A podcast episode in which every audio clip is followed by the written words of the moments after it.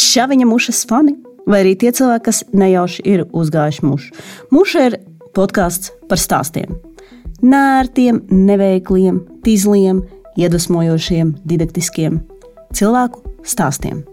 Ja jūs noklausīsieties šo podkāstu un jums liksies, hei, es īstenībā varētu izstāstīt labāku stāstu, tad tas ir jādara. Rakstiet mums uz podkāstu muša gmail.com un nāciet un stāstiet. Mēs būsim ļoti, ļoti priecīgi jūs dzirdēt.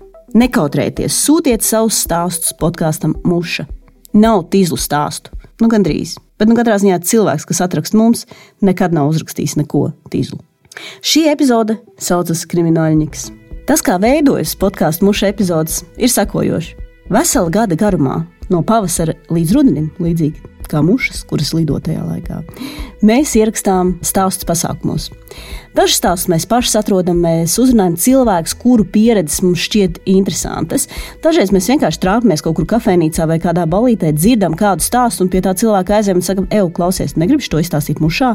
Dažreiz cilvēki mūs paši atrakst uz podkāstu mušai, gmail.com, un mēs sakam, jā, suprīgs stāsts, nāc un izstāst pēc mēneša nu vai diviem vai trim. Atkarībā no tā, cik daudz cilvēku mums jau ir saplānoti iepriekš. Cilvēki, kas atnāk uz mušas pasākumiem, nekad nezina, par ko būs šie stāsti, par to, kāda tā būs pieredze. Un ļoti bieži arī mēs īstenībā nezinām, kā šie stāsti kopā saliksies, kāda būs sajūta. Mums ir bijuši pasākumi, kuros cilvēki smējās kā traki, mums ir bijuši pasākumi, kur cilvēki raud, mums ir bijuši pasākumi, kur cilvēki gan smējās, gan raud. Ļoti, ļoti dažādas emocionālas pieredzes. Eh, bet pats galvenais ir tas, ka, kas man patīk mušā un mušas pasākumos, kad tu atnāc klātienē, ir tas, ka cilvēki pēc tam paliek. Viņi paliek un runā savā starpā par to, kā ar viņiem rezonēja tās pieredzes, ko viņi tikko ir dzirdējuši Un, un ļoti bieži paliek arī runāties ar stāstniekiem, prasot viņiem par viņu pieredzi, par to, kā viņi varbūt tik galā ar kādām traumējošām lietām, vai varbūt ar kādām priecīgām lietām, e, prasa ieteikumus un vienkārši iepazīstās. Un pēc Covid laikiem, godīgi sakot, vieta, kur iepazīties ar jauniem cilvēkiem, vai tā nav forša lieta? Man liekas, ka ir. Bet, nu, kamēr mēs vēl tagad ir februāris, Pasākumi vēl nav sākušies. Iespējams, ka bez Rīgas LV jau var nopirkt biļetes uz mūžas marta pasākumu, kad mēs atsāksim um, ierakstus. Bet to es vēl nezinu. Tādēļ, ka, protams, ka šo audio es ierakstu pirms tā brīža, kad mēs esam ielikuši biļetes tirzniecībā.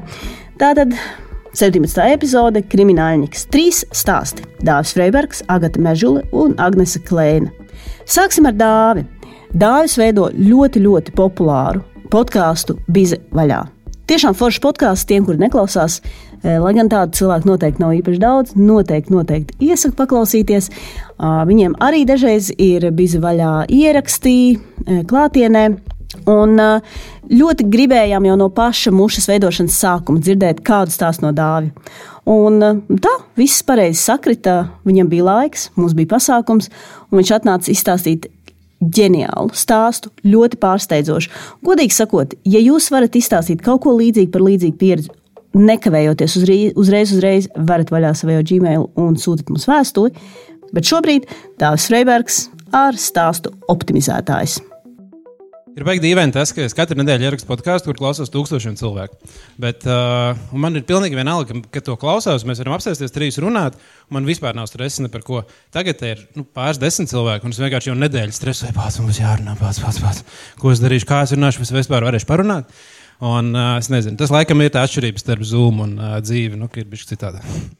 Bet jā, es šodien pastāstīšu par uh, karotēm. Dakšiņām un to, kā es uh, iztērēju 30 reizes vairāk naudas vien, vienai Facebook reklāmai nekā plānots. Pēdējos astoņus gadus es strādāju digitālā mārketinga nozarē, bet manā nonākšana šajā nozarē ir drīzāk nejauša nekā jauša. Jo uh, studiju laikā es mācījos Vēncpils augstskolā, uh, Un uh, studiju laikā es uh, vislielāko prieku ieguvu strādājot pašpārvaldē, darbojoties pašpārvaldē. Jo tur likās, ka tu iegūsi tādu īstu pieredzi, nevis tikai teoriju. Tur kaut ko, jā, tur bija jautri, tur bija darbs, un viss kaut kas notika. Un, uh, man tas likās baigi forši. Uh, divus gadus es novadīju sabiedrisko attiecību komisiju. Un, uh, Un es kļuvu par komisijas vadītāju mēnesi pēc iestāšanās augstskolā. Tātad tas bija oktobrī, kļuvu vēlēšanās, uh, uzvarēju un kļuvu par komisijas vadītāju un divus gadus novadīju to komisiju, bet trešajā gadā kā, tas sāk kļūt par tādu, tā kā, nu, tas vairs nebija jautri, tas sāk kļūt par darbu, bet par kuru nemaksā. Jo es zināju visas tās lietas, kas man jādara. Es viņas biju divus gadus jau darījis. Un uh, tās lietas, ko es darīju, bija pārsvarā. Uh, mums bija pasākumi, bija jāreklamē, bija jāiet pie uzņēmējiem, vietējiem, jārunā, jāmēģina dabūt balvas. Bija jāiet pie, um, jātaisa plakāti, jātaisa diplomi, sociālajā mēdījos, kaut kas jādara. Tas viss man likās baigi, baigi aizraujoši, bet ja trešajā gadā man sāk palikt garlaicīgi. Tad es atkāpos no studentu pašpārvaldes un sāku ļaut jaunajiem to pašu uh, prieku pieredzēt, bet man sāk vēl garlaicīgi tie Ventspīlī, jo nu, tur nav arī beigt daudz ko darīt. Un, uh, un tad es sāku domāt, ka varbūt jāsāk strādāt, bet šoreiz varētu pamēģināt īstu darbu, tādu, kur maksā. Un, uh, bet nu, tie, tie darbi Ventspīlī, kas tur bija, bija tādi. Nu, bija vai nu baigi melnais darbs, nu, kas man tā kā neinteresēja, vai tāds garlaicīgs biroja darbs, un tas man arī īpaši neinteresēja. Un tad es domāju, nu labi, nu nekas Ventspīlī labs nav. Bet tajā laikā man sanāca diezgan regulāri braukt uz Rīgu. Un, uh, un tad man likās, ka Rīga īstenībā tur visu laiku notiek, tur visu laiku akcents ir. Nav, nav tā kā Ventspīlī, Ventspīlī kluss visu laiku. Tu izēji, tad aiziet darbdienā. Darbdienas vakarā izēja pilsētā, un, ja tu, ja mēs spēlējam, ir spēle, mēs staigājam pa Ventspili un pa centru. Es domāju, kā, kurš, kā, cik ilgs laiks paies, līdz mēs redzēsim trīs cilvēkus uz ielas. Un, uh, Es minēju kaut kādas 15 minūtes, man draugs minēja 20 minūtes. Tas, kurš minēja 30 minūtes, tas uzvarēja. Uzvarēja 30 minūtes, staigājot pa centru, mēs redzējām trīs cilvēkus. Nu, tie, kas brauc mašīnā, neskaitās, bet tās arī nebija daudz. Bet tā, viens diezgan garlaicīgi, bet Rīga likās daudz interesantāk un aizraujošāk. Un es domāju, varbūt varētu nākt strādāt uz Rīgu. Jo, nu, skolu jau es arī Rīgā varu pabeigt, jā. Mm -hmm. Uh, un, uh, nu jā, un tajā laikā es arī Instagramā Arthurs Mednis regulāri liku bildes to, ka, kā, kā viņam tur, uh, kā viņš strādā un kā viņam kolēģi, viss foršs balīts, viss beigas interesanti. Man liekas, tas ir tieši tas, ko es gribu. Tas ir nopietns darbs, bet tikpat jautri, kā studentu pašpārvaldē izskatās. Es īsti nezināju, ko viņi dara, kas tas uzņēmums, kas ir, kā, ko tie kolēģi tur dara, bet man liekas, ka tur es gribu strādāt. Es atradu viņu mājaslapu. Izlasīju, ko, ko, ko tas uzņēmums dara tur. Un, uh, un tur bija rakstīts mājaslapā vienā vietā, ka, ja tu jūties iedvesmots un tu gribi strādāt pie mums, uzraksti e-pastu. Man bija tāds. Hm? Nu, labi, vai uzrakstīju rītīgi ar e-pastu, izstāstīju visu, ko esmu darījis tur uh, pašpārvaldē, visu, ko es māku, ko es gribu iemācīties, ka es varu iet pie viņiem darīt jebko, un es gribu mācīties. Un uh, tās pašas dienas laikā es esmu e-pastā, tās pašas dienas laikā man at atsūta atbildi Arthurs Mednis ar tekstu: Cau, vajag satikties. uh, man tāds, mm, ok. Uh, un uh, tad mums tālāk ir gara e-pasta saraksts. Mēs sarakstamies, sarakstamies par kaut kādām detaļām. Tā es nonāku darba intervijā. Tā darba intervija tādā, bišķiņ, nu, tādā ziņā bija dīvaina, jo es līdz galam arī nesaprotu, ko tas uzņēmums dara. Jo viņiem aizlapā rakstīts, ka viņi pērk un pārdod uh, mēdījus. Tas nozīmē, ka tā ir tā mēdīja aģentūra. Pērk pārdod mēdīju reklāmu. Bet, uh, bet Inspire Digital īsti to nedara. Viņi dara kaut ko citu, bet tur mājaslapā nekas nav rakstīts par to, ko viņi dara. Man liekas, tas ir Nu, es, labi, es nezinu, bet nu, vienalga. Šis izskatās interesanti. Tev mēģināšu. Tā mums saruna, tā kā darba intervijas saruna iet, iet, iet uz priekšu. Un, uh, viņa tā diezgan haotiska, jo arī man tās intereses diezgan kā, daudz pa visām pusēm. Arī tās manas prasības, visām pusēm es māku tur gan dizainēt, gan kaut ko tādu. Tā. Un vienā brīdī Mednis tā paskatās uz mani, tā paga. Bet tu gribi būt dizaineris vai projektu vadītājs? Es tajā brīdī apstulbstu, nu tāds pats. Tā kā tagad, skatoties, man liekas, nu, visticamāk, pareizā atbilde būtu bijis dizainers.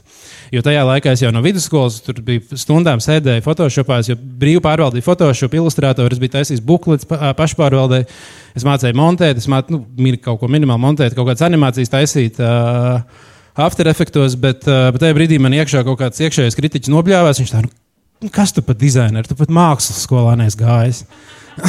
man tāds spēcīgs arguments. Okay. Un es viņam saku, nē, nē, nē, projekta vadītājs būs daudz piemērotāks man. Labi, mums ir. Uh, Tad ir vēl kaut kādas pāris darba intervijas. Mēs izrunājam nu, ar vairākiem cilvēkiem, satiekamies, runājam, runājam. Nu, tā nu es kļūstu par digitālo projektu vadītāju asistentu.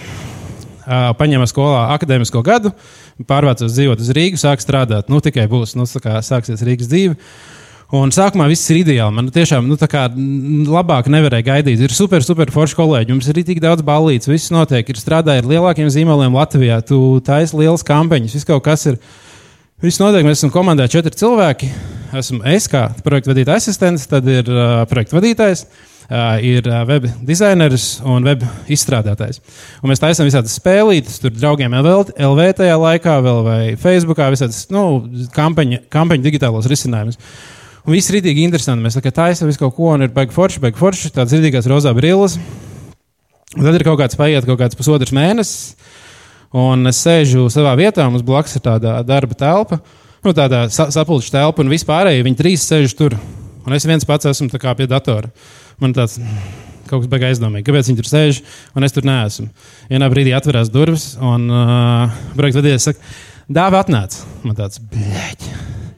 Un manā galvā ir tāds, bet tagad kas man, tagad, man atlaidīs, un tad man ir jāiet. Uh, prom. Tad ir divi varianti. Vai nu man jāstrādā McDonald's, jau kur citur strādājuši, vai jābrauc atpakaļ uz Vēncpili. Ja es braukšu atpakaļ uz Vēncpili, būs stulbs. Visiem ir pateicis, jā, es jau es braucu uz Rīgas strādāt, tā kā jā, lielā Rīgas dzīve, bet tagad tu pēc mēneša atbrauc atpakaļ. Nu, kaut kādā ziņā stulbi. Es aizēju apsēsties, un projekta vadītājs tā nopūšās. Viņš tā, nu, dāvi, tā, pļāvis, pļāvis, pļāvis. Šā, nu, nākamajā mēnesī mēs visi trīs ejam prom no darba, tu paliec viens pats. Man tāds, Nu, tajā brīdī es biju priecīgs, jo tāds, nu, man neatlaiž. Es biju gaidījis, ka būs otrādi, ka viņi, kā, mēs paliekam un tu ej prom. bet, uh, bet beigās ir uh, tā, nu, no vienas puses krūtis diezgan ātri kļuva no projekta vadītāja asistenta par projekta vadītāju. Nu, tādā ziņā diezgan ātrs kāpums. Uh, no otras puses viens pats bez komandas. Tas nav arī baigi labāk. Un, uh, Un tad sākās tāds reāli grūtais laiks, jo uh, bija sākušās vairākiem klientiem tādas lielākās gada kampaņas, kā piemēram Zelta Zelta čempionāts, kuram tu sāc kā, izstrādāt mājaslapu, un tur visādas spēlītas, kas viņiem bija online čempionāts, ir kaut kādas tādas lietas, un tādas vairākas tādas lielas kampaņas sākās. Un, uh, Un tad bija diezgan grūti, jo tur palika viens, nu, vienīgi vēl palika programmētājs. Jo viņi pierunāja palikt, bet viņš ļoti, ļoti, ļoti, ļoti, ļoti, ļoti, ļoti negribēja palikt. Un to negribēšanu viņš izgāza uz mani. Un uh, diezgan labi, ka es biju augstskolā man labākie draugi bija programmētāji. Es no programmēšanas vismaz kaut ko sapratu, un man bija regulāri situācijas, kurās viņš saka, šo nevar izdarīt. Un es tā, mm, man liekas, ka var. Viņš tā, nevar izdarīt. Un tad es sēžu internetā, meklēju, meklēju, meklēju, meklēju aizsūtu viņam linku. Man liekas, ka šitā viņš var izdarīt. Viņš, oh, labi. un, um, Bet, jā, bet man ir jādara nenormāli daudz lietas, jo dizainers mums nebija. Tad es sāku arī kaut ko dizainēt, piemēram, tur bija ZZ čempionātam. Uh, spēlīt, nu, tur katru nedēļu mums bija jāizlaiž jauna spēlīte, un tā spēlītē vajadzēja dizainu, tad es tos dizainus taisīju, pats zīmēju kaut ko. Bet nu, strādāju rītīgi ilgi. Strādāju tur, kā es tiešām tur pamodos, mums darba holiķis. Tur strādāju dienām. Tas bija, bija situācijas, kad, es, kad Arthurs Mednis aizgāja ātrāk prom no darba nekā es. Ir trīs naktī, Mēs joprojām strādājam, ap divu vienīgais esam birojā. Viņš paskatās uz mani, viņš atnāk un saka, nu, tā es laikam tiešām tagad tieši mājās. Tu negribi iet mājās, tā man vēl pusstundiņa. Viņš ir nu labi. Un viņš aiziet ātrāk, man likās, wow, es aizgāju ātrāk. Es aizgāju vēlāk par Arthuru Medinu, tas jau ir sasniegums. Bet tas laiks bija diezgan, tā kā, tādā ziņā diezgan sarežģīts, jo nu, tiešām darba bija daudz, un es biju iemests pilnīgi jaunā vietā. Un tā, ka es tā kā īsti nezinu. Nu, Es tu, tu pēc mēne, tu, mēneša, pusotra strādāju, nu, tu neesi tādā ziņā nu, baigais profesionāls nozarē. Un, uh, man gāja daudzas lietas ļoti labi. Man, uh, man ļoti labi padevās idejas izdomāt. Man ļoti patīkās visādas dizaina risinājumus, digitālos risinājumus, programmēšanas kaut kādas risinājumus. No man viss izdevās diezgan labi izdarīt. Tur tiešām kolēģi un arī klienti novērtēja. Tas, ko man neizdevās izdarīt, bija tās lietas, kas ir zem projekta vadības. Bet mans amats bija projekta vadītājs. Un man bija sajūta, nu, ka iekšā ir tāda, tā kā, nu, kā tu esi, es identificējos kā projekta vadītājs, man ielika kā projekta vadītājs, es esmu, man ir jābūt šim, man ir jāpierāda sev kā projekta vadītājam. Es varu darīt visas tās pārējās, bet tie ir nieki, tas nav svarīgs lietas, jo to nedara projekta vadītājs. Es esmu projekta vadītājs, man būtu jābūt labam projekta vadītājam.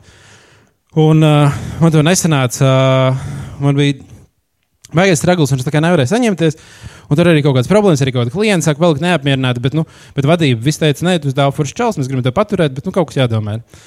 Un, uh, un kopumā man dzīvē ļoti patīk analogijas. Man liekas, ar, ar analogijām bieži vien mēs varam kaut kādā ziņā uh, paskatīties uz sarežģītām lietām vienkāršāk vai uz vienkāršām lietām pilnīgi citādāk. Un, uh, un tajā laikā es atceros, ka man ļoti spilgti atceros, kā man ienāca prātā viena analoģija par, uh, par to visu, kas notiek. Un es patiesībā viņu atceros diezgan regulāri šobrīd joprojām. Un tā analoģija uh, bija tāda. Tad iedomājieties, jūs esat restorānā un uh, jums atnes zupu. Bet vienīgais instruments, ko jums atnes, ir to super dakšiņa. Un jūs sākat mēģināt ēst to super dakšiņu, ēst, Un uh, jūs saprotat, ka tā kā nu, beigas stragls, nu, kā tu to kartupeli vari uzdurt, un tā kā tu to zupu, tu to šķidrumu, kas ir zupas, kā, kas ir pati zupa, liela, un tu nevari reāli dabūt iekšā. Un tu ēd, ēd, ēd, mocies, mocies, mocies, un tā kā, nu, rit, ritīgi sarežģīti. Bet vai tas, ka tev ir grūti to uh, dakšiņu padara par sliktu dakšiņu. Nē, tas viņu padara par sliktu karoti. Bet viņai nav jābūt karotei, viņai jābūt dakšiņai. Tā varētu būt labākā dakšiņa visā pasaulē. Un, uh, un tas vienalga tev nepalīdzētu apēst to zupu.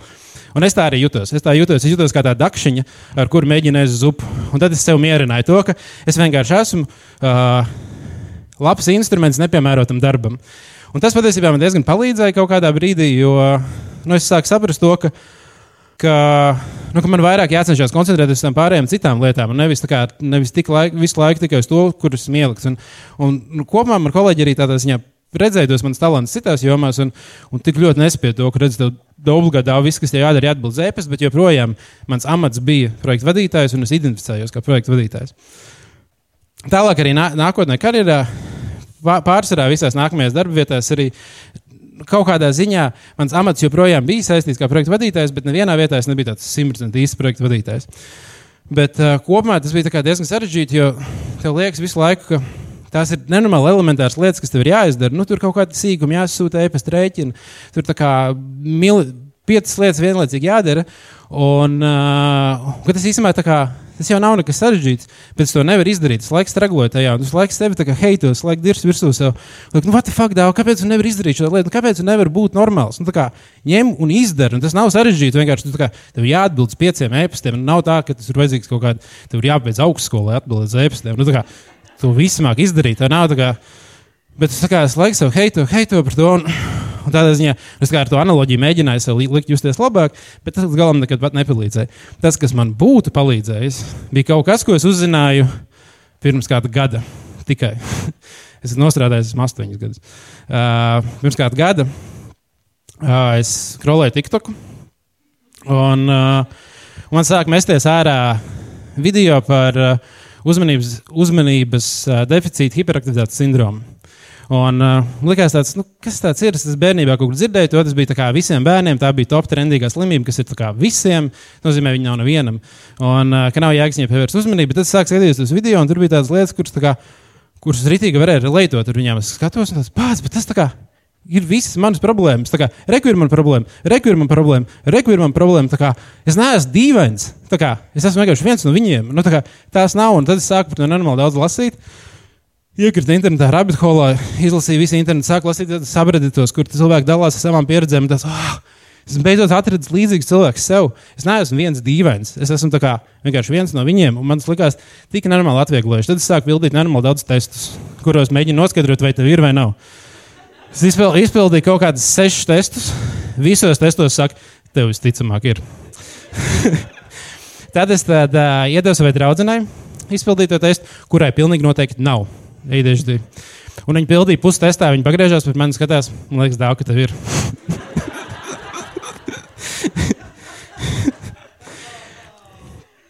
Uh, un tad es uh, esmu kaut kādā ziņā normāli pacelēts un priecīgs, jo man kaut kādā ziņā nu, ir, kā, ir izskaidrojams visām manām problēmām. Un tagad man ir nākamā terapijas sesija pie terapeita, un es aizēju, un es terapeitei stāstu šo lielo jaunumu, kas esmu atklājis, un es viņai stāstu, un viņa tāda skeptiska, un tā, nu, kādus tu esi pildījis. Tā, nu, tur tā kā stāsta kaut kādas, bet nav svarīgi, kādus jūs viņus pildījāt. Nu, tā kā, bet tās vispārējās lietas skaidrs. Tad mēs ilgi norunājām, norunājām, norunājām ar viņu. Jo es jau savā galvā biju domājis, to, ka kā, nu kā, es esmu slims. Man ir kaut kāda slimība, šī ir slimība, man ir slimība, es dabūšu zāles, un es būšu normāls, ideāli. Un tad mēs ar viņu sākam runāt, un uh, viņi saka, beigās, jau sarunas beigās, viņi saka, labi, es varētu piekrist, ka tev iespējams ir, bet tam laikam nav nozīmes šobrīd, jo, jo, jo viņi stāstīja to, ka mūsdienu psihoterapijā uh, to uh, ADHD īsti neuzskata par slimību. Uh, tas ir vienkārši smadzeņu tips. Jo, un, uh, ka cilvēkiem nevajag justies slimiem, jo tajā brīdī, kad tu saki, ka tev ir kaut kāds disorders, tas ka tu esi slims, tu esi kaut kādā, tu esi nenormāls, un tāpēc tev vajag zāles, lai būtu normālam. Bet tā nav, tu esi vienkārši smadzeņu tips.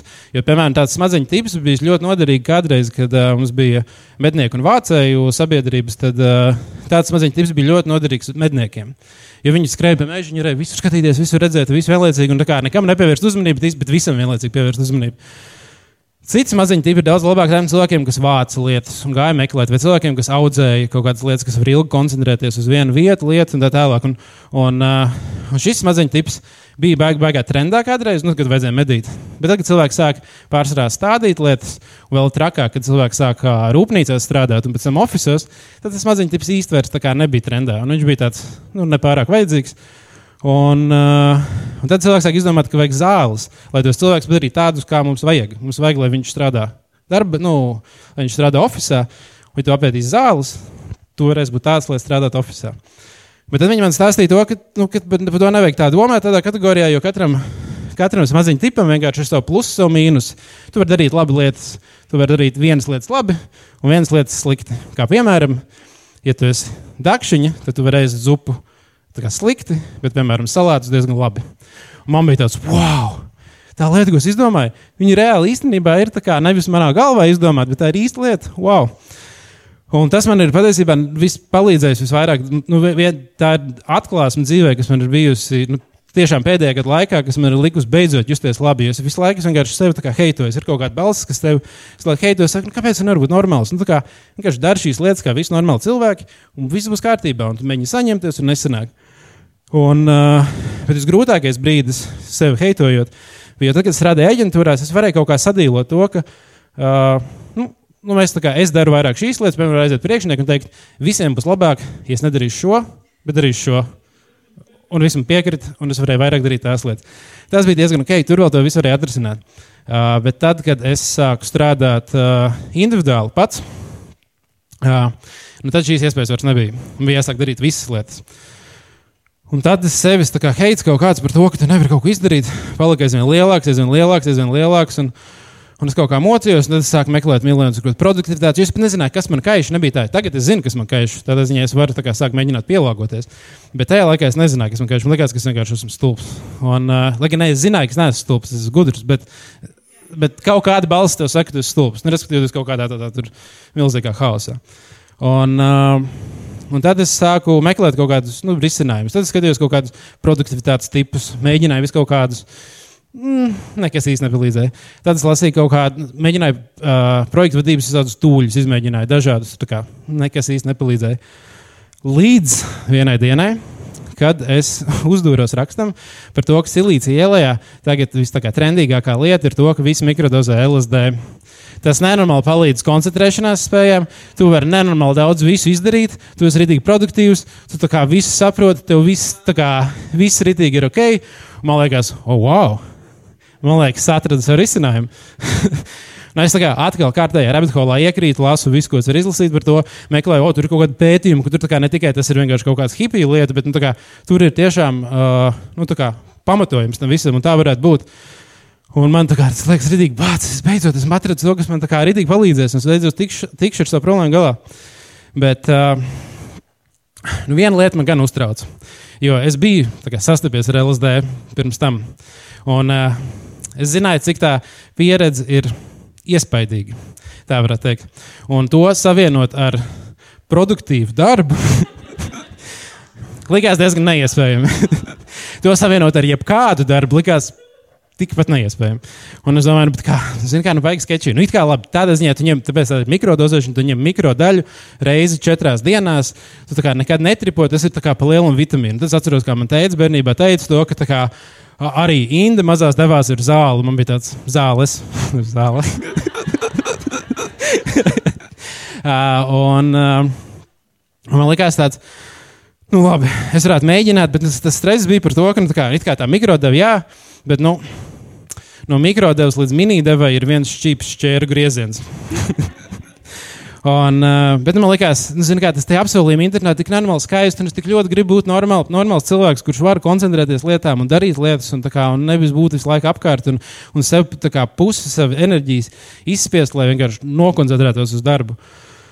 Un es domāju, labi, mēģināšu. Kas sliktākais var notikt? Uh, pirmās divas reizes, kā pirmās divas devas, kas sanāk, kā, nu, reizes četrās dienās, tagad arī nedēļa, uh, es, pa, es pamēģināju, un fiziski es neko nejūtu. Nekāds beigas efekts nebija. Un arī īsti no produktivitātes, ko nejūtu. Nu, nekas labāk, baigi nekas neatšķirās.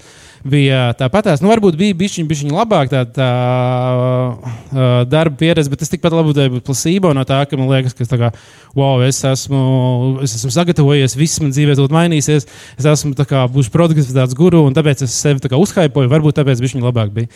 Bet trešajā reizē. Trešajā reizē gadījās tas, no kā es baidījos. No tā uh, mikrodeva kļuva par mini-devu.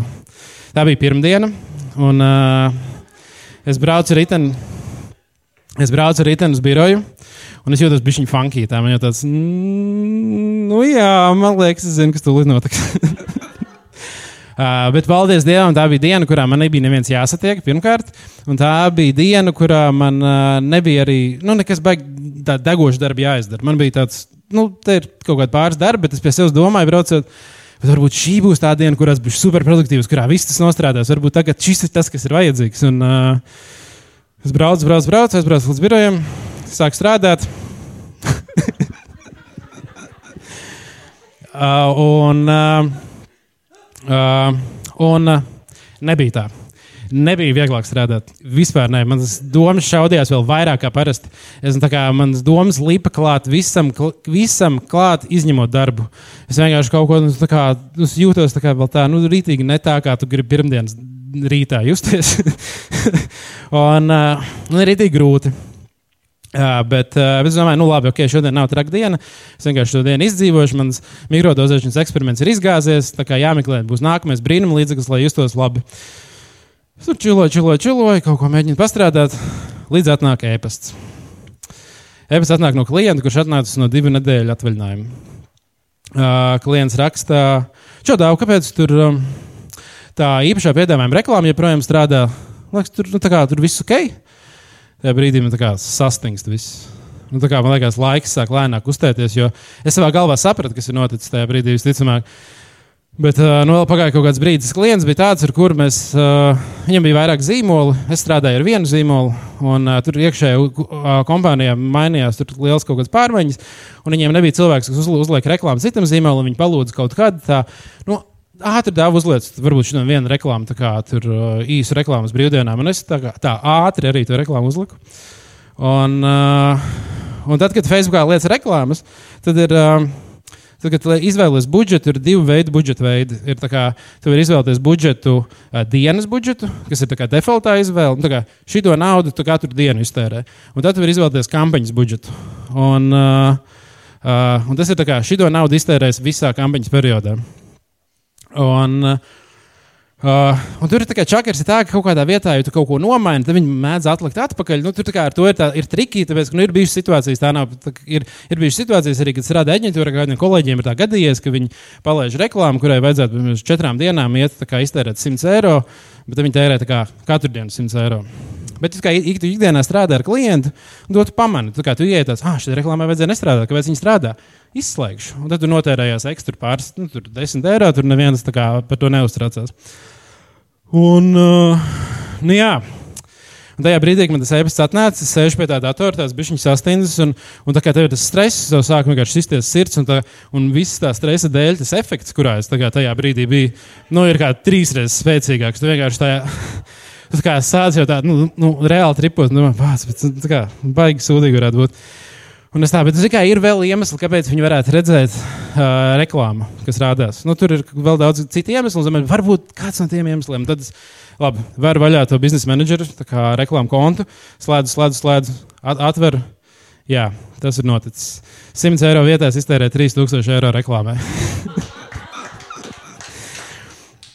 Uh, tas gan man īstenībā super uzreiz izskaidroja to, kāpēc uh, klients pirms došanās atvaļinājumā uh, uzrakstīja man e-pastu, sakot, bāc, mums tas īpašais piedāvājums tik labi aizgāja, tāds apmeklējums, tik daudz pirkumu, viss ideāli. Man tā kā es izlasīju to e-pastu, man tāds nice, un gāja tālāk. Nevis gāja apskatīties, a, kāpēc viņš strādāja, a, kas tur notika, kas ir tas, kas tur. Un, uh, nu jā, tā bija diezgan intensīva darbdiena. Jā, man šo, šo situāciju vajadzēja risināt. es nejūtos, lai viņi būtu gatavi risināt. Bet nu, kaut kādā ziņā nu, tur bija daudz telefonu sazvana, daudz e-pasta, un nu, mana mierīgā darbdiena vairs nebija mierīga. Situācija, ko mēs atrisinājām, mēs to naudas summu sadalījām trīs daļās. Tur kaut kas par to, ka uh, nu, tas piedāvājums diezgan daudz ko pārdeva. Tā kā nu, kaut kāda daļa to, kaut kāda daļa klients uzņēmās uz sevi, kaut kāda daļa es uzņēmu uz sevi, un tad es kā barterī atstrādāju tos darbus. Tas viss atrisinājās, bet nu, mana mikrodozēšanas pieredze man atstāja tādu emocionālu iespēju, ka es to sapratu, ka nu, šis vairs nav mans eksperiments. Bet, uh, Bet tajā, tajā laikā es jau biju sācis darboties ar podkāstiem, ņemties kaut ko taisīt, taisīt savus podkāstus, arī kādiem klientiem taisīt podkāstus. Un, uh, Un es sapratu, to, ka tas, tas laiks, ko es pavadu uh, montējot, vai gan audio vai video failus, ka tajā laikā es kā, tiešām koncentrējos uz to. Un var notikt, kā, var notikt brīži, kuros es montēju kaut ko, un es četras stundas vienkārši esmu iekšā un par neko citu nedomāju, un pat nepaņemu Facebook vai ko tādu. Jo, kad es vienmēr strādāju un mēģinu tur lēkāt pa desmit debesīm vienlaicīgi, tur izkaut sarakstiem, es vienkārši kaut kur aizplūstu. Un, kā, un tad es kā, ah, oh, man tā kā jādara tas, un kaut kā sev velc un iztērē nav daudz enerģijas. Un, tas patiesībā ir kaut kas tāds, ko es, kas man organiski nāk, un es varu rītīgi ilgi darīt. Un, un tā, tā kā man bija šī sāpīgā pieredze, darot lietas, kuras, kuras man liekas, ka man vajag darīt, tāpēc, ka es viņas māku. Un ka tāpēc, ka es viņas māku, tāpēc man viņas ir jādara. Uh, uh, es sāku koncentrēties uz citām lietām. Es sāku koncentrēties vairāk uz video taisīšanu, podkāstu taisīšanu. Un tas patiesībā bija pirmais brīdis, kad es tiešām sajūtos ka es esmu kā dakšiņš, kas ēd salātus, nevis zupu, ka es daru to īsto lietu. Un tam nevajadzēja nevis nekādas zāles, tam nevajadzēja LSD, tam nevajadzēja produktivitātes tips, tev vajadzēja būt savā vietā, darīt to lietu, ko tu gribi, kas tev, tev patīk. Jo es jau no bērnības, un tas, kā, tas mans iekšējais kritiķis, kurš man teica, ka man nevajag būt dizainerim, vienkārši bija loks. Jo, viņš, jo es iespējams, es būtu pateicis, es būtu atbildējis pareizo jautājumu, es būtu aizgājis, un man būtu visas šīs problēmas nebūtu bijušas. Es nebūtu sev tā kā endos gadus vienkārši dirsis virsū, ka esmu pilnīgs idiots. Tā nu, es, nu, nav tā arī, ka tagad viss ir ideāli. Protams, ka ir arī grūti saņemties, protams, ka ir kaut kādā brīdī kā, ir čakars, ir kaut kādas lāžas, viss kaut kas tāds notiek, bet uh, tas viss ir kaut kādā ziņā. Kā, Daudz vieglāk. Tas nav tik, tā kā tev nav vajadzīgs tik nenormāli daudz kā, saņemties, vai tas no tevis neprasa tādu smagumu kaut kādā ziņā. Uh, Un uh, tas arī iekšējais, mans iekšējais kritiķis vairs nav tāds, kurš saka, tu esi loks, tu neko nemāki. Viņš saka, tu neesi iemācījies vēl šito. Tu neesi iemācījies vēl to, tev jāiemācās tas. Un tā ir daudz produktīvāka iekšējā diskusija nekā visu laiku teikt, tu esi loks, loks, loks. loks. Tā kā jā, ja, uh, es, tas stāsts morāli varētu būt, ja jūs kādreiz jūtaties galīgi ne savā vietā, tad uh, jūs iespējams esat tā dakšiņa, ar ko ēd uh, zupu, un varbūt ir vērts nomainīt ēdienkarti. Paldies! Vai dāvis stāstīja taisnību, vai mānījās, to mēs nekad nezināsim. Vai tas bija izstāsts vai izdomājums, grūti pateikt. Bet dāvi, paldies tev par to, ka atnāci pie mums un padalījies. Jūs jau noteikti zināt, nu, tie, kuri biežāk mūžā klausās, Mēs sanācām kopā tādēļ, ka mums ļoti patīk stāsti. Mums pašām patīk stāstīt stāstus, mums, pat, mums patīk eh, klausīties stāstus. Un eh, ik pa brīdim um, mums pašām ir azotē kāds stāsts, kur gribās izstāstīt, un mēs izmantojam to, ka mums pašām ir savs stāstu podkāsts, un kādēļ gan, lai neizstāstītu to klātienē citiem. Mūsu kolēģe Agata Mežule um, pagājušā gada rudenī izstāstīja brīnišķīgu stāstu, kuru mēs nosaucām Seanss. Es lasīšu no lapas. Pirmkārt, pirmkārt jo tur ir ļoti chronoloģiski sarežģīti atcerēties bez lapas, un otrkārt, jo es satraucos. Um, un uh, tas, kāpēc es izdomāju šo stāstu stāstīt, ir nu, tas iemesls ir vienkārši tāds, ka es ik pa laikam Džemai saku, ka es varētu kaut ko par koru pastāstīt. Un, uh, tāpat kā ļoti daudz citu cilvēku, viņi parasti atbild, tas ir rīti garlaicīgi. Nevienu neinteresē lietas par kori, ja tu nedzirdi korī. Un, uh, es nolēmu, ka es jums pastāstīšu šo lietu.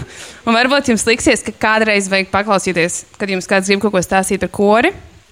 Un varbūt jums liksies, ka tas ir rītīgi garlaicīgs. Um, jā, uh, iespējams, līdz stāsta beigām jūs sapratīsiet arī, kāpēc es nenosaucu vārdā savu kori.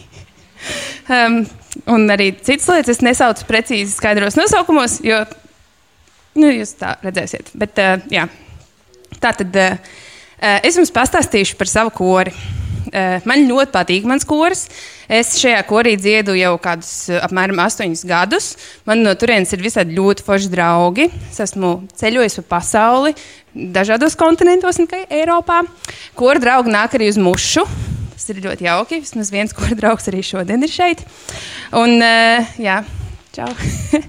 Jā, lūk, mēs esam dziedājuši dažādās vietās, dažādos pasākumos, dažādos laikapstākļos. Um, Bet šis vispār nemaz nebūs stāsts par koru kultūru Latvijā vai par tās lomu manā dzīvē, tādā lielākā griezumā, ne arī par kaut kādām patriotiskas saliedētības sajūtām, kas mani varbūt pārņem dziedot dziesmu svētku lielajā estrādē. Nē, šis stāsts būs par pilnīgi citām lietām.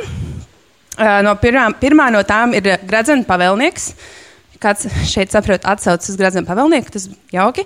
E, tad tālāk nākamā būs dažādu lietu dedzināšana. Un trešā lieta ir plaukstas, kas nevienam nepiedara. Jā, lūk. Tātad šis notikums, par kuru es jums stāstīšu, notika pirms pandēmijas pasaulē, kad drīkstēja braukt. Un, uh, ceļot uz dažādiem konkursiem. Un, uh, mūsu kurs diezgan aktīvi piedalās šādos konkursos. Mēs dziedam gan Latvijā, gan kaut kur tā, esam tādi sāncensīgi. Un, uh, arī šis tā ir stāsts par braucienu uz ārzemēm, uz koru konkursu. Uh, Tādu Eiropas līmeņa koru konkursu, um, kur mēs tur ļoti ilgi gatavojāmies. Un, uh, tajā dienā, kad mēs no Latvijas devāmies prom, tad um, tā bija diena, kur Rīgā pirmo reizi uzsnigs sniegs. Eh, bija kaut kāds 18. un 19. novembris. Un eh, vietā, kur mēs atbraucām, ārā bija plus 20 grādi. Tas bija rītīgi forši. Mēs eh, kāpām lidmašīnā, skatījāmies, kā sniega kaut kādos 6 no rīta. Un, tad, kad mēs izkāpām no tās lidmašīnas, tad mēs visi, kā, visi likām stāstus ar to, kā saule un tur rītīgi viss forši. Un mājās viss sūdzās, ka ir pirmais sniegs un ir nu, nereāli pretīgi. Un, jā, un tā vieta, kur mēs dzīvojām, bija tāda maza pilsētiņa kas bija ne turisma sezonā, bet tad, kad uh, tur ir turisma sezona, tad tā ir ļoti populāra vieta, kur cilvēki brauc sērfot, jo viņi atrodas pie okeāna. Um, un, uh, jā, un tā vieta, kur mēs dzīvojam, bija tāda, tāda maza pilsēta. Um, ļoti netālu no mūsu viesnīcas bija liela pludmale, uh, kura bija tāda tādām ļoti smalkām smiltīm, tāda plaša, ļoti plakana, gara. Viņai uh, Labajā galā atradās tāds eh, taka, kur varēja uzkāpt augšā, un tur bija golfa laukums un kāda upe un kalns tāds. Un uh, otrā galā bija um, tāds augstāks kalns, kurā mēs reizēm gājām pastaigāties. Viņš bija viss noaudzis tur ar tādiem lieliem zaļiem kaut kādiem puseksotiskiem kokiem. Nenormāli skaisti. Un, uh, ja uzkāpa tur kādu stundu, bija jākāpj, tur bija tāda taka. Un, ja stundu kāpa, tad varēja pašā augšā uzkāpjot, redzēt tā, to pilsētu no augšas un nu, tādu skaistu jūras un okeāna skatu, tur kaut kāda kuģa stāvēja. Mēs tur diezgan regulāri arī gājām staigāties pa dienu. Un uh, dienas kārtība šajā, tāpat kā daudzos citos uh, kora braucienos un konkursos, ir apmēram tāda. Mēs uh, pēdām brokastis, mums ir mēģinājums, tad mēs ēdam pusdienas, tad ir brīvais laiks, tad ir kaut kāds mēģinājums atkal, tad ir vakariņas un atkal brīvais laiks. Un tad uh, tāds turpinās kaut kādu nedēļu, vai cik mēs tur dienas esam.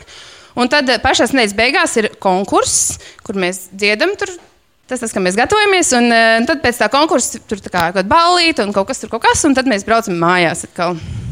Uh, un uh, vēl tāda lieta, kas ir ļoti svarīga šajos braucienos, ir, ka pirms konkursa principā tiek ievērots sausais likums. Nu, Restīvi, nedrīkst dzert.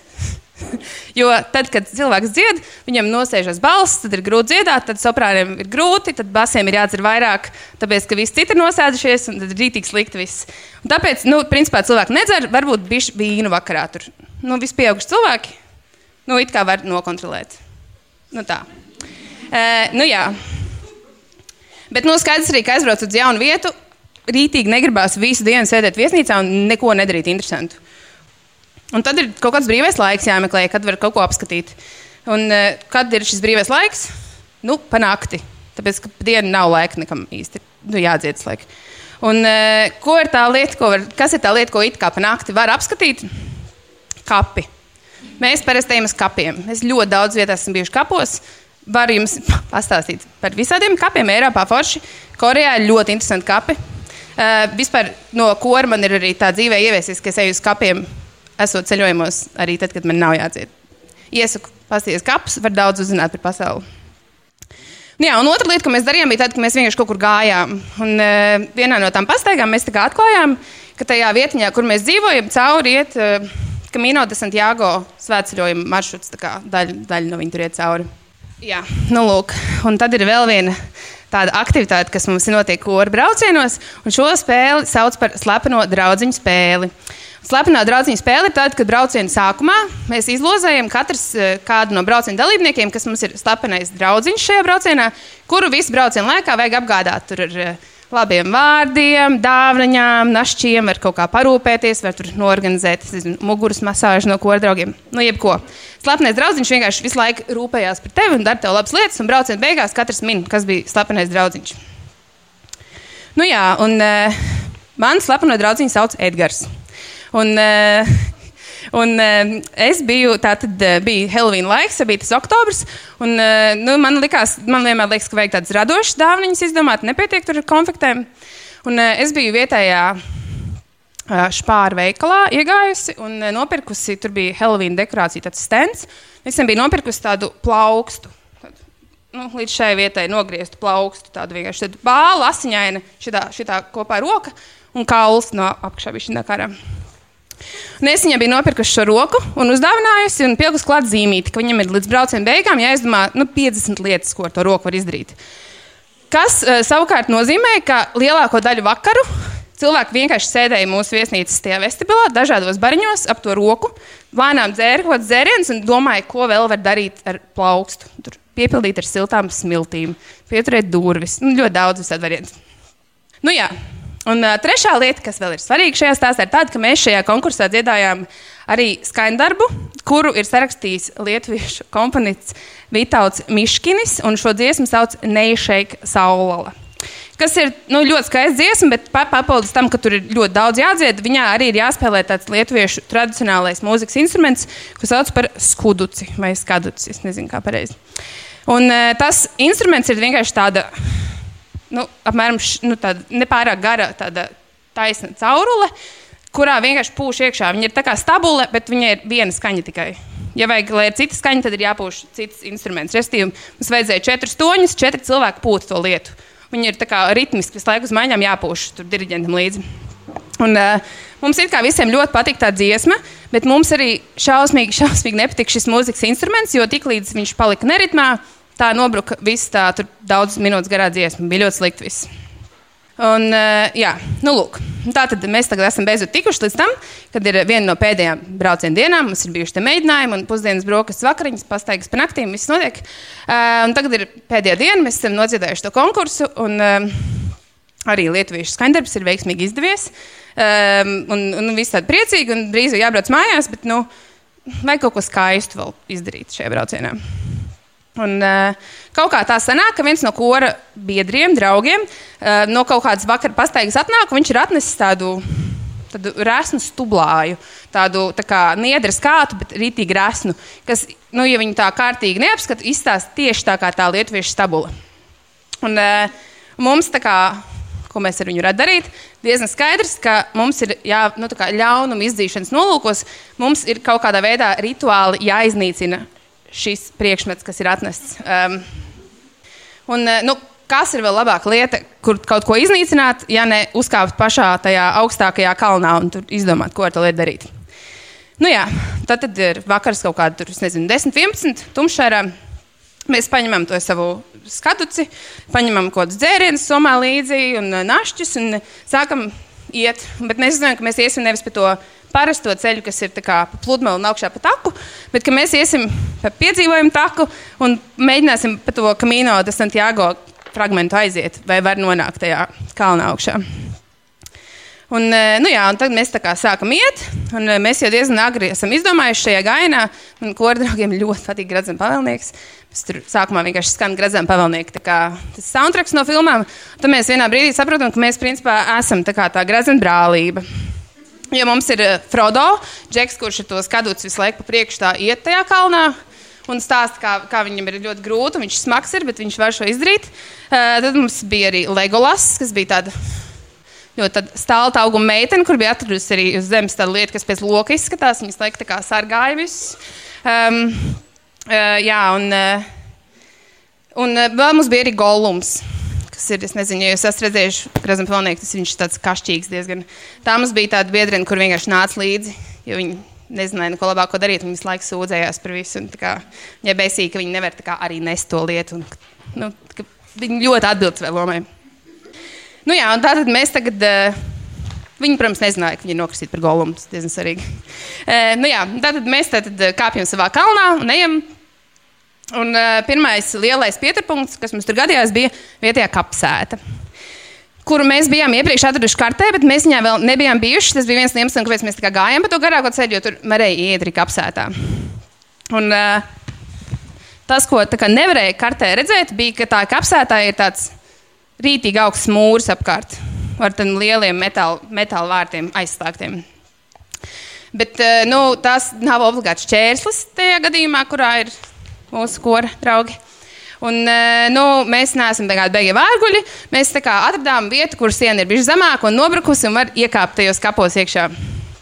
Un, uh, mēs tur kaut kādu stundu padzīvojām uz tiem kapiem, tur apskatījām, iegājām kaut kādās tur, nezinu, tādas kriptās, vai es nezinu, kā to sauc. Tad, tad liela būva, kur gar sienām vēl salikt visādi oso arī. Nu, lūk, un tad mēs esam izteigājuši tiem kapiem, un tagad mums vajag iet prom no viņiem, bet tā siena no iekšpuses ir zemāka. Restīvi, iekšpusē ir augstāk jākāpjas, lai tiktu ārā nekā no ārpuses, lai iekāptu iekšā. Un tad mums pagāja zināms laiks, kad mēs vienkārši atradām potenciāli kaut kādu vietu, kur no tiem kapiem varētu nu, tikt ārā. Jo nu, viņiem arī tie kapi nu, šajā valstī nav tādi kā Latvijā. Tur ļoti liela daļa kapsētas ir vienkārši tādi betoni, tādi nu, taisni stūri ar betonētām tāciņām, vienkārši betons visur. Un eh, viens no mūsu draugiem atrada, ka ir tāda vieta, kur ja pakāpjas uz viena pieminiekļa un tad uz tāda, uz tāda augstāka tā kantāna priekšmeta, tad var kā, tikt līdz sētai, un tad tur ir tāda atstarpe, tad var kā, pārkāpt, un tad tikai jānolec lejā. Un, eh, nu, jā, un viss sāka lēnām tā kā pa vienam tur tumsā naktī bez gaismām mēģināt tikt no tiem kapiem ārā. Un, uh, mēs tur daži pēdējie cilvēki palikuši. Priekšā džeks jau kā pārtais ētai, un es ar vienu meiteni kopā mēs ejam uz vīna pudeli, kur mēs dzeram ap divas uz maiņām.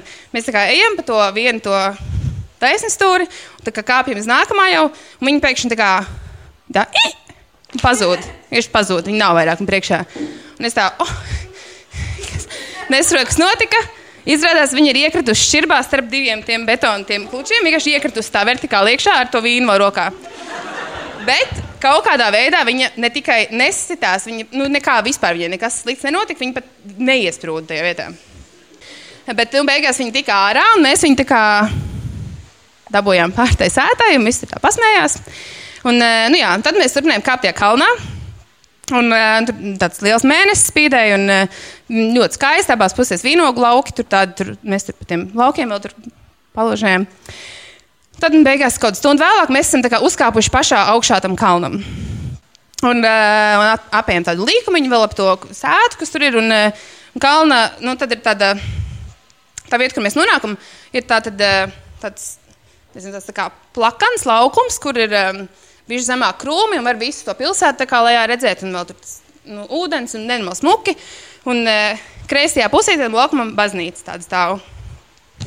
Un, e, nu jā, un, e, tagad kaut kāda daļa cilvēku tur e, sāk tur izvākt telefons, sāk bildēt, kā izskatās tā pilsēta, un tur likt kora chatiņā, kur mēs esam atnākuši. Un tā.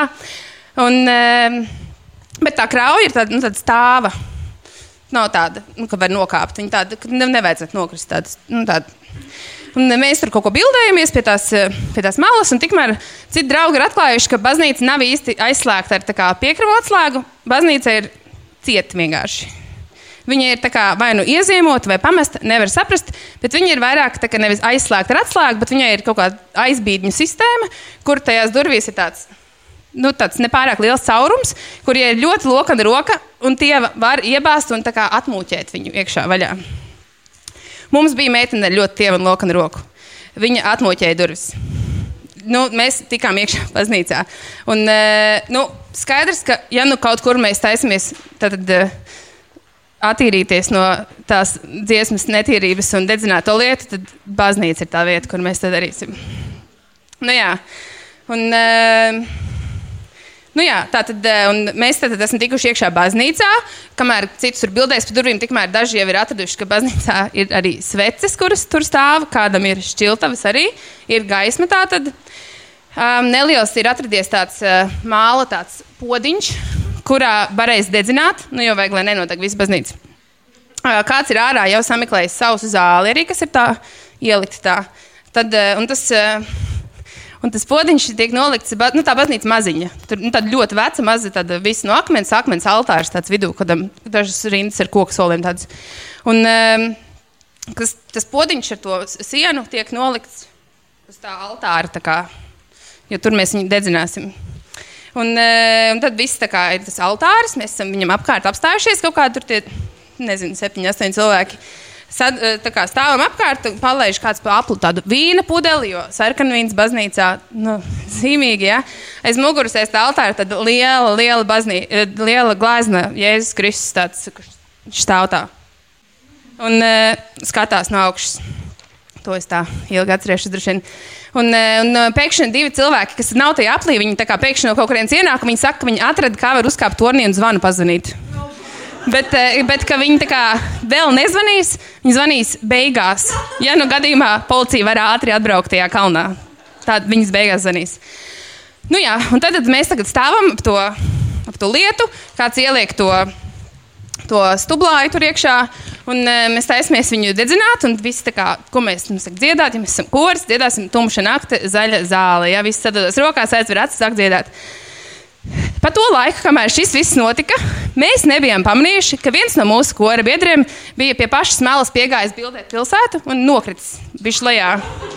Viņš bija kā paslīdējis un vienkārši nokritis pa to krauju, bet viņš nebija tālu nokritis, viņš bija kaut kāds 20 metrus nokritis. Viņu ērkšķa krūms apstādināja. Viņš tā kā ne, nenorēja līdz lejai. Kamēr mēs visu šo darām tajā baznīcā, tikmēr viņš vienkārši viens pats kāpa augšā pa to kalnu. Un eh, tajā brīdī, kad viņš ienāk iekšā baznīcā, mēs esam sastājušies ap to, sākuši dziedāt.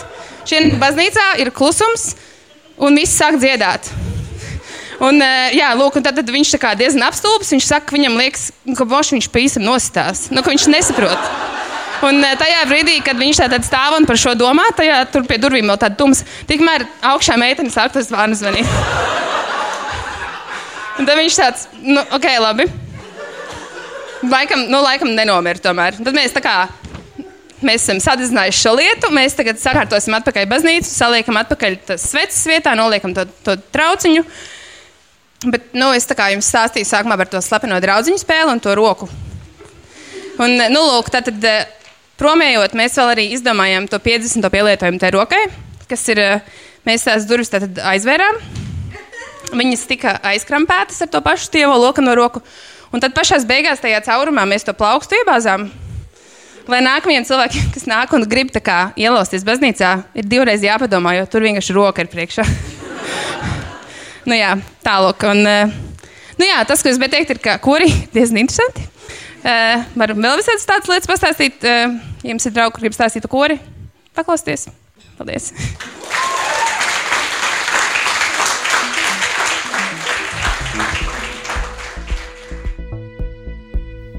Agata, paldies tev par visu, ko dari. Starp citu, ja jūs esat pamanījuši to, cik skaisti plakāti ir mušai un cik skaistas fotogrāfijas ir pēc pasākumiem, tad tas ir Agates nopelns. Trešais stāsts ir no cilvēka, kurus pazīstu jau ļoti, ļoti sen. Agnese Klēna ir bijusi žurnāla Deko redaktore. Viņa ir bijusi ļoti populārs modes bloks, un kādu laiku viņa arī vadīja muzeju. Pašlaik viņa ir devusies tādā radošā ceļojumā.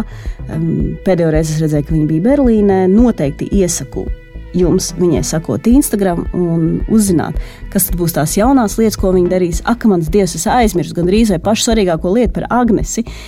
Ja jūs zinat, kas bija Benji Newman, tad Agnese ir mastermind aiz šī lieliskā projekta. Dažas dienas pirms Agnese aizbrauca prom no Latvijas, viņa atnāca uz mušas pasākumu.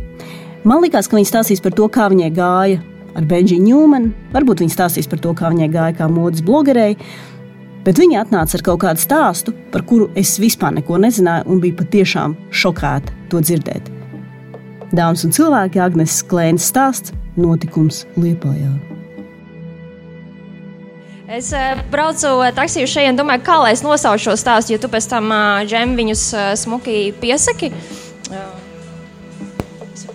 tad, kad viņi ir ierakstīti, viņi smuki piesaka, viņiem ir tā kā virsraksts. Un, es, nu, es domāju, ka es savējo pieredzi, kur, ar kuru saskāros pirmoreiz dzīvē un plānoju vairs nesaskarties, es varētu nosaukt, kā es sapratu, ka es atrodos pareizajā timelīnā. Lūk. Um, Varbūt bija janvāra vidus, šis, šis janvārs, un mēs ar vīru atgriezāmies no, no laukiem. Un, kā jau no laukiem, mantas, un gribās ātrāk tikt dušā un viss, un viss. Un, un tu tādā pusautomātā taisa vaļā paskatīt, sagaidot, ka tur nekas nebūs, jo nu, kurš mūsu mūsdienās kaut ko raksta. Un, bet tur bija vēstulīte adresēta man, sūtītājs Liepājas krimināla policija. un, un es skatos, vai tiešām taisas plēšu vaļā, domāju, nu varbūt tomēr kļūda. Nē, viss vārds uzvārds, visi aicinām jūs ierasties uz nopratināšanu. Viss, janvāra vidus tāds. Ja. Uh, man nav vispār nekādas jausmas par ko, kas notiek. Uh, mums ir jāuzkāpj līdz sastam stāvam kājām. Es vairāk kārt apstājos kājām laukumiņos, cik ļoti tas ir satraukums un stress. It kā ne par ko, bet nu, bācis, tā ir vēstule adresēta man. Uh, tieši tāda paša treboša sirdi un, un, un, uh, un sāpoša vēdera apsēdos un domāju vienkārši ko un kā un ko un kā. Un tur ir uh, galvenā inspektore Laura un uh, viņas telefona numurs. Jūs zināt, cik mums ir mūsdienās grūti zvanīt pareizi. Visiem, ne tikai jaunākajai paudzei. Nu, bet labi, šodien, šobrīd vajadzēja uzzināt, un, un es zvanu, zvanu, un tur neviens neceļ klausulu. Uh, domāju, labi, iegūlēju galveno uh, Liepājas policijas sakaru kontaktālu un zvanīšu tur. Uh, Man atbild, ka jā, diemžēl inspektori ir saslimusi un, un zvaniet nākamā nedēļa. Un tas ir arī tas brīdis, kad ir mums kārtējie vislielākie covid rādītāji, un, un mēs visi, protams, izvairamies vispār, ja kur baigi pārvietoties, kur nu vēl ar, ar sabiedrisko transportu un, un līdz liepājai. Kurš, ap citu, ir man pilsēta, kurā es piedzimu, līdz ar to tas visu to pasākumu kaut kā vēl apdveš ar intrigu. Lūk, uh, pagāja nedēļa, un uh, joprojām man neviens nekur nezvanīja. Es uzrakstīju ēpastu. Laurai. Un uh, vēl pagāja laiks, un visu laiku tajā satraukumā es domāju, jo man, es jums saku, man nav ne mazākās idejas. Jo nav, nav iemesla, lai es kaut ko tādu saņemtu. Uh, es esmu jau pa šo laiku sas, sazinājusies ar pazīstamu uh, mūsu paudzes advokātu, jo mēs jau esam jau tik veci, ka mūsu draugi jau ir advokāti. Uh, lūk, un uh, es esmu. Un, uh, un, uh, parādu uh, uh, uh, telegramā, saziņā mums, uh, lai viņš man mēģina izlobīt, vai es esmu tur uh, liecinieks, kas tas ir, jo tur nekas nav vairāk minēts. Un viņš saka, pēc tā teksta izskatās, ka nu, varētu būt liecinieks. Nu, ok, joprojām nesaprotu, kam, bet ok. Uh, Beigās man atrakst Laura un saka, tā un tā. Uh, viņa ir ļoti ieinteresēta arī šo visu nokārtot. Lieta ir iegūta uh, mantojumā viņai no, no viņas kolēģis, kas ir aizgājusi uh, pensijā. Uh, Un, uh, viņi ir gatavi pat atbraukt pie manis uz Rīgā. Jo es viņai saku, man nav automašīnas, un tad man ir jābrauc ar autobusu. Man liekas, ka jūs, Laura, man liekas, no pat joprojām esat atapusies droši vien no Covid, jo tas ir tas laiks. Es saku, mums abām nebūtu labi, ja es brauktu pie jums uz Liepāju tagad. Lūk, viņi ir gatavi braukt pie manis. Bet, uh, protams, ir darba un viss kaut kas tā arī viņi neatbrauc. Tas joprojām ir gaisā pakārts jautājums. Bet es paralēli dzīvoju, mēģinu dzīvot savu dzīvi, strādāt un vispār neuztraukties ne par ko. Lūk, un uh, vienkārši gāja laiks, un es sapratu, tas nu, mēnesis, un es domāju, ka man šo vajag nu, nokārtot. Jo, Pat ja man nav ne mazākās jausmas, kāpēc man ir uh, krimināla policijas uh, vēstule, es negribētu, ka man kaut kas tāds stāv kaut kur uh, arhīvā, manā lietā. Lūk, un, uh, atkal sazinājos ar, ar, ar manu draugu advokātu, teicu, kā mēs šo varam izdarīt. Viņš saka, nu, tu vari noalgot mani. Un, uh, Un, eh, un ja mēs to izdarām, tad eh, vienkārši uzreiz viņam dod eh, informāciju, jo tas ir viss. Visa cita pasaule, juristu pasaule, un, ja tur ir advokāts, tad viņam jau sniedz vairāk informācijas. Nu, es visu to apliecināju, tad tā, viņš uzraksta ēpastu, piesakās Laurai, ka viņš būs mans pārstāvis, un, un tad viņš ir nu, saz, noskaidrojis faktus, un pēc tam saziņā viņš raksta tā, un tā lieta ir no 2016. gada. Okay, 22. gads. Um, smagu miesas bojām nodarīšanu. The fuck? Un viņš saka, any ideas? Es saku, nē. Viņš saka, tā un tā, ja būtu viegli, miesas bojām būtu jau noilgums 5 gadi, bet ir smagi, tāpēc 10. Un uh, mēs joprojām esam termiņā, iekļaujamies termiņā. Lūk, es saku, nu, ko tad mēs darām?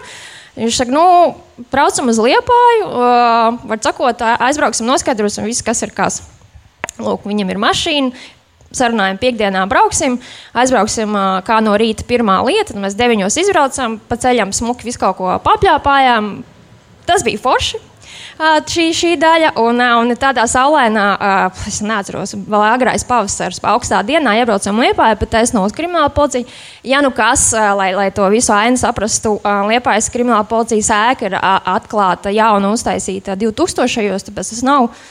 Rīgas meža parks un vispār, kas ir traki tiešām. Un tāpēc es uh, ierados, uh, mēs ieradāmies tādā uh, birojiņā, kurš jau ir eh, piekdienas noskaņā, saulīte spīd un visi kaut ko tur čubinās, bet ir gatavi, kā teikt, dienu beigt ātrāk.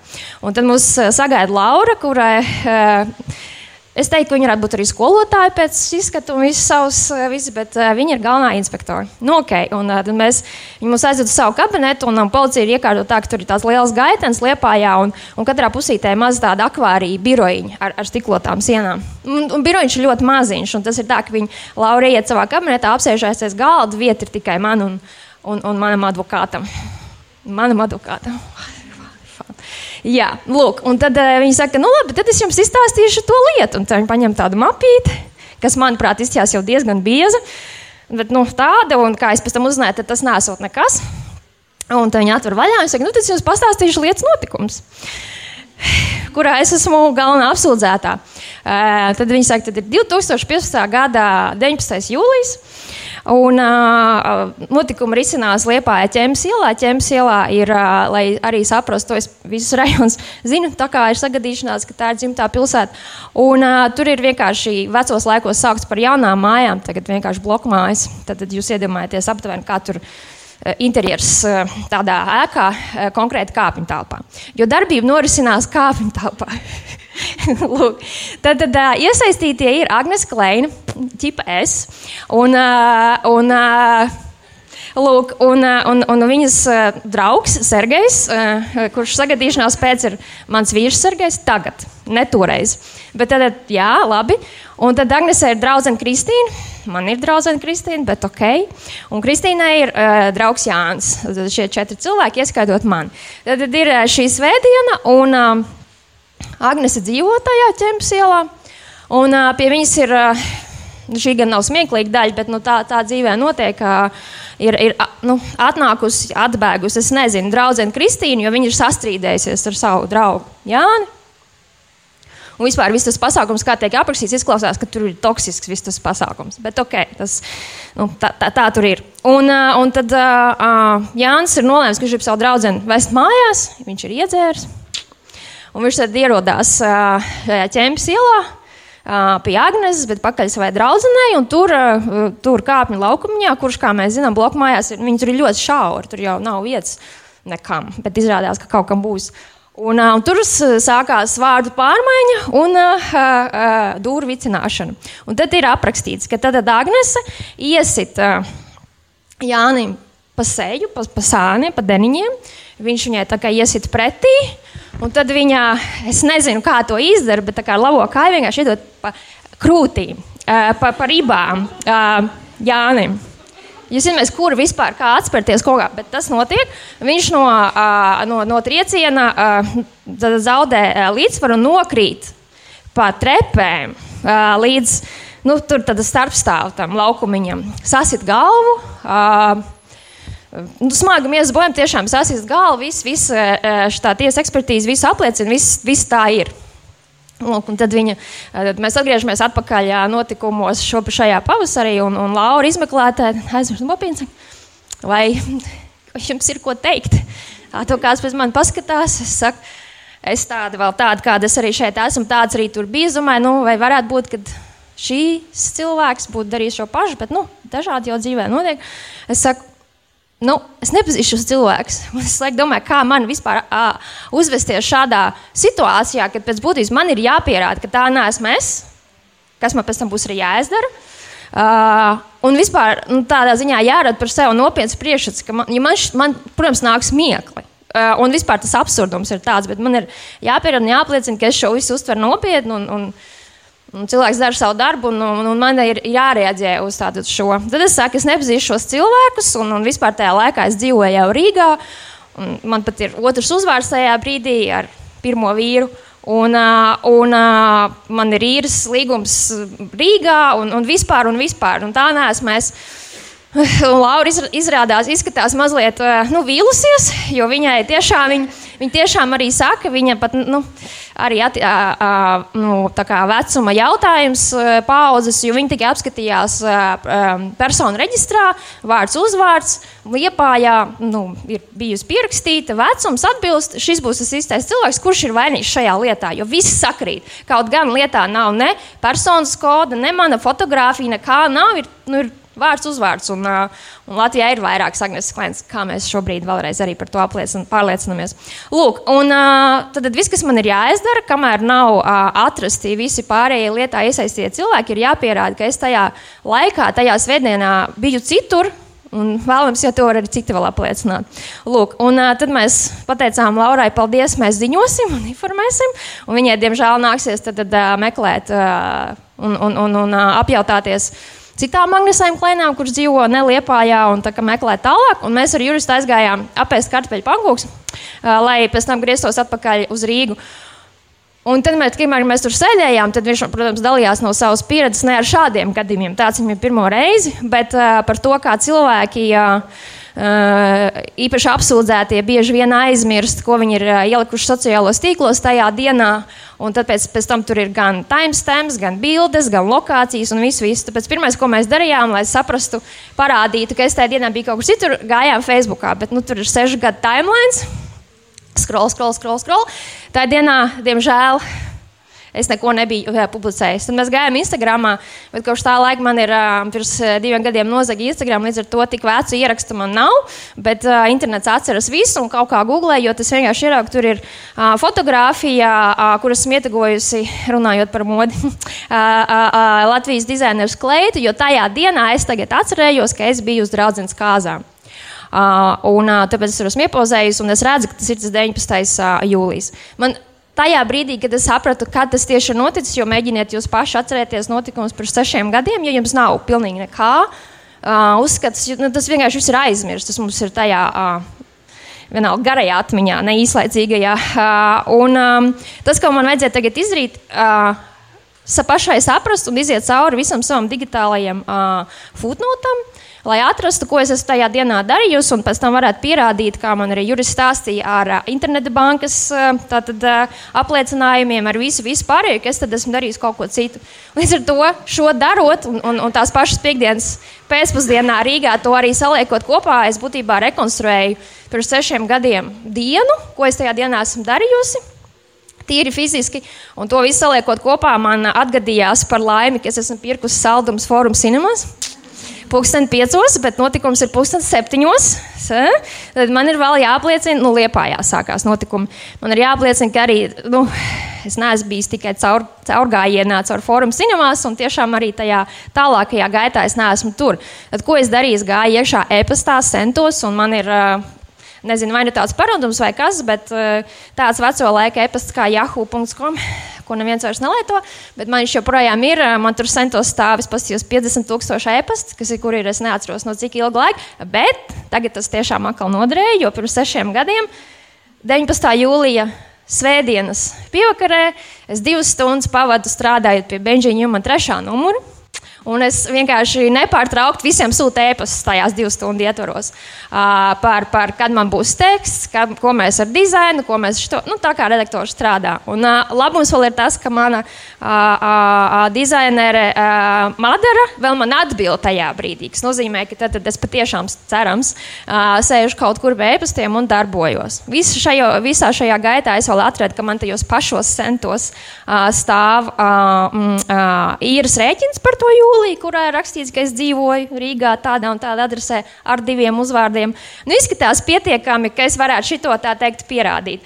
Bet, lai tas viss būtu pavisam jautri, man vajadzēja tomēr arī, ka man būtu vēl nu, kāds kā liecinieks dzīvais. Un, tāpēc es uh, rakstīju, uh, zvanīju un pēc tam rakstīju īziņu savam bijušajam vīram, tā un tā, vai tu vari iet savā svetbankā un paskatīties, nu, jo man liekas, ka tu pirki pirms sešiem gadiem biļetes uz kino.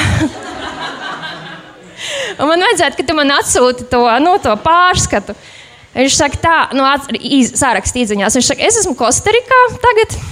Un uh, es varu to visu izdarīt, bet kāpēc? Nu, tieši tā, random. Uh, es saku, nu, tad es mēģinu izziņā šo absurdu ielikt iekšā, uz ko viņš man pretī atsūta daudz jautājumu. Es saku, jā, es zinu, arī absurds tiešām, bet ko man darīt?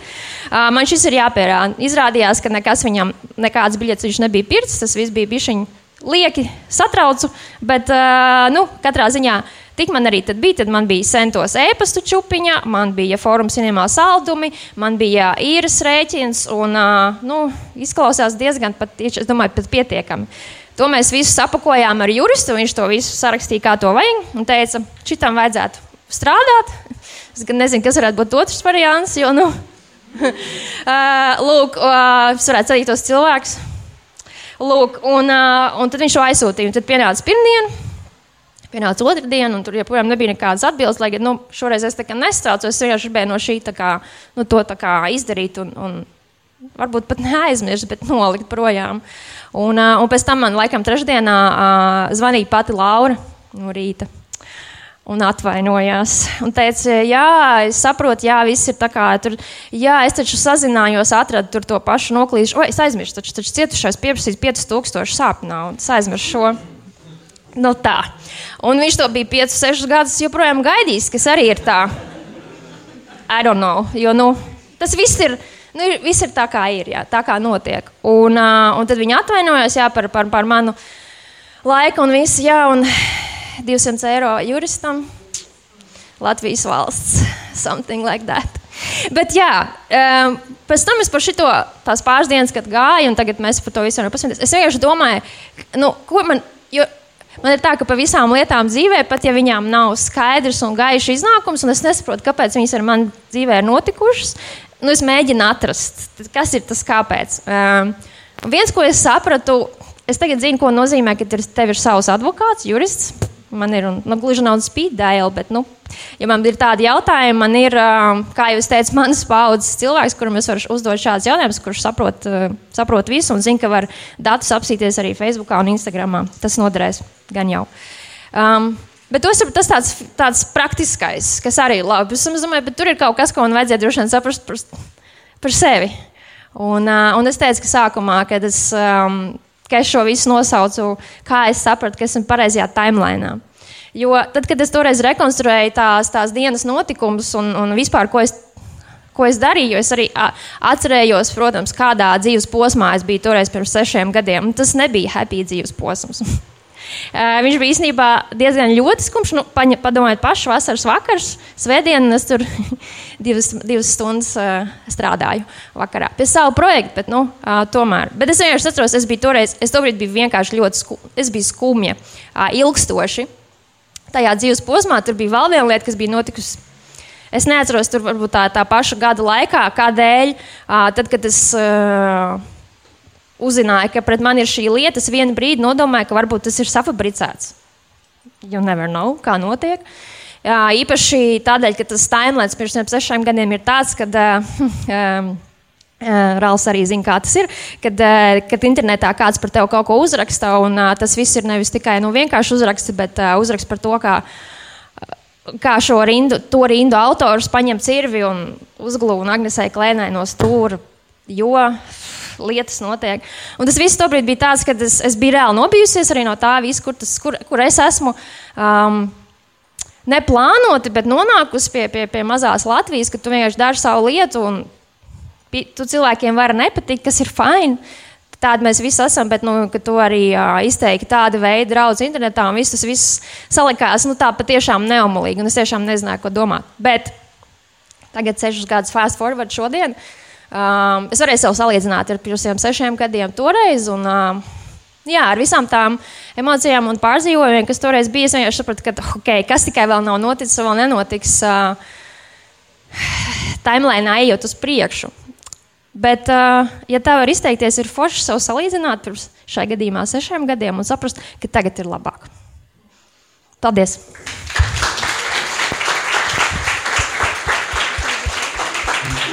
Nu, ko mīļie, 17. epizode ir galā. Runājām par kriminālām lietām, vai arī ar jums ir notikušas kriminālas lietas. Tāds tā kā ar Agnesi. Varbūt jūs pats kādreiz esat rīkojies nevisai godīgi, nonācis likumsargu redzeslokā un tam līdzīgi. Nu, ja tā ir, nu atrakstiet savu stāstu nākamajām paudzēm. Tas ir jādzird.